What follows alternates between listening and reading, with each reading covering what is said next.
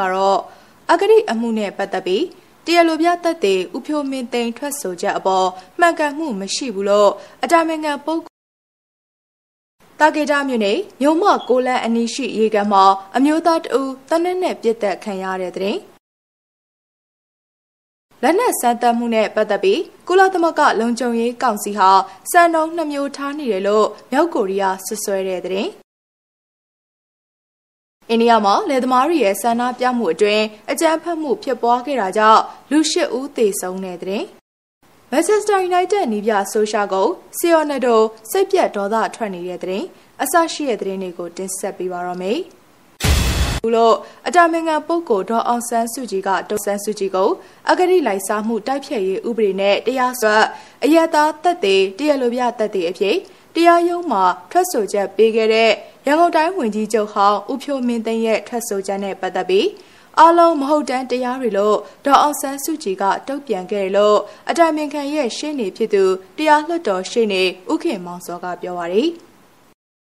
အော်တိုဘာ၄ရက်နေပြည်တော်ကောင်စီဝင်အတွင်းရှိတည်တံ့တရားရုံးမှာအတိုင်ပင်ခံပုဂ္ဂိုလ်ကိုနေပြည်တော်မှာဆင်းဆိုထားတဲ့အမှုတွေနဲ့ပတ်သက်ပြီးရုံးထုတ်စစ်ဆေးတဲ့ရုံးချိန်မှာသူမရဲ့ရှင်းနေတွေကိုအတိုင်ပင်ခံပုဂ္ဂိုလ်ကအထက်ပါအတိုင်းပြောကြားခဲ့ခြင်းဖြစ်တယ်လို့ဆိုပါတယ်။ဒီဟာထွက်ဆိုချက်တစ်ခုနဲ့ပတ်သက်လို့ကတော့ဒေါ်လာကြီးကြီးက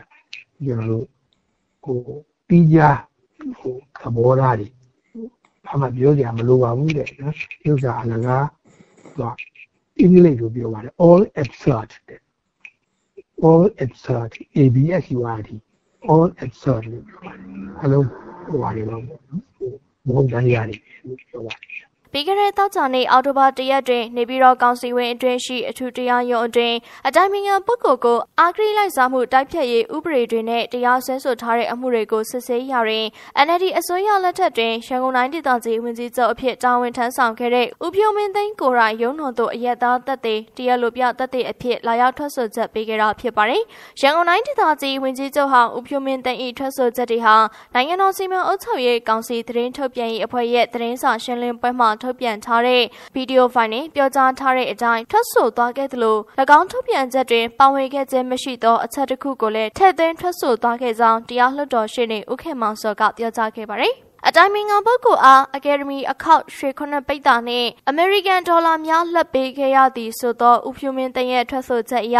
အာဂရိလိုက်စားမှုတိုက်ဖျက်ရေးဥပဒေဖြင့်တရားစွဲဆိုထားတဲ့ရာဇတ်ကြီးအမှုအမှတ်နှစ်မြင်းဆောင်2021အမှုနှင့်ပတ်သက်ပြီးလာမယ့်အောက်တိုဘာ10ရက်ရုံးချိန်တွင်တရားလိုဖြစ်သူနှင့်အရသာသက်သေဥဖြူမင်းသိန်းတို့ကိုလာမည့်ရုံးချိန်တွင်ပြန်လှန်စစ်မေးခြင်းများပြုလုပ်သွားမှာဖြစ်တယ်လို့သိရပါတယ်။အတိုင်ပင်ခံပုဂ္ဂိုလ်ကိုရန်ကုန်တိုင်းဒေသကြီးဝန်ကြီးချုပ်ဟောင်းဥဖြူမင်းသိန်းမှလက်ငွေအဖြစ်ပေးခဲ့ရသည်ဆိုတဲ့စစ်ဆေးတွေ့ရှိချက်တွေအရ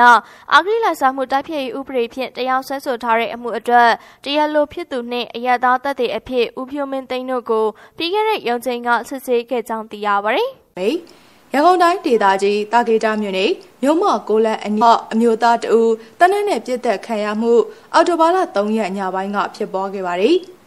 မှာတနက်ဖြန်ပစ်သက်ခံရခြင်းဖြစ်ကြောင်းရဲတွေအများကြီးရောက်လာတယ်။တာကီရာမြို့နယ်ထဲမှာလည်းအစစ်ဆေးတွေများတယ်ဟုအစိုးရတပ်ဖွဲ့ဝင်များမှဖမ်းဆီးခေါ်ဆောင်သွားခဲ့ကြောင်းဒီကံပညာကျောင်းမှကျောင်းဆောင်တအုပ်ဖြစ်ကြောင်းအဆိုပါနေရာအနီးနေသူများထံမှသိရပါဗျ။လက်နက်စမ်းသပ်မှုနဲ့ပတ်သက်ပြီးကုကိုတင်ဆက်ပေးပါမယ်။ ကုလသမဂ္ဂလုံခြုံရေးကောင်စီဟာကုလသမဂ္ဂအဖွဲ့ဝင်နိုင်ငံတွေအကြားစစ်ရေးလှုပ်ရှားမှုတွေအပေါ်စံနှုန်းနှမျိုးထားနေတယ်လို့မြောက်ကိုရီးယားနိုင်ငံပိုင်မီဒီယာဖြစ်တဲ့ KCNA ကအော်တိုဘာလ3ရက်မှာဖော်ပြခဲ့ပါတယ်။ ပါမြောက်ကိုရီးယားရဲ့ဒုံးကျည်စမ်းသပ်မှုတွေနဲ့ပတ်သက်ပြီးအမေရိကန်နဲ့အခြားနိုင်ငံတွေရဲ့တောင်းဆိုမှုအရအော်တိုဘာတရက်နေ့မှာကုလသမဂ္ဂလုံခြုံရေးကောင်စီတကားပိတ်အစည်းအဝေးပြုလုပ်ခဲ့တာဖြစ်ပါတယ်။မြောက်ကိုရီးယားဟာအရင်ကမတွေ့ဘူးသေးတဲ့ hypersonic ဒုံးကျည်စမ်းသပ်မှုနဲ့ပဲထိန်ဒုံးကျည်စမ်းသပ်မှုတွေ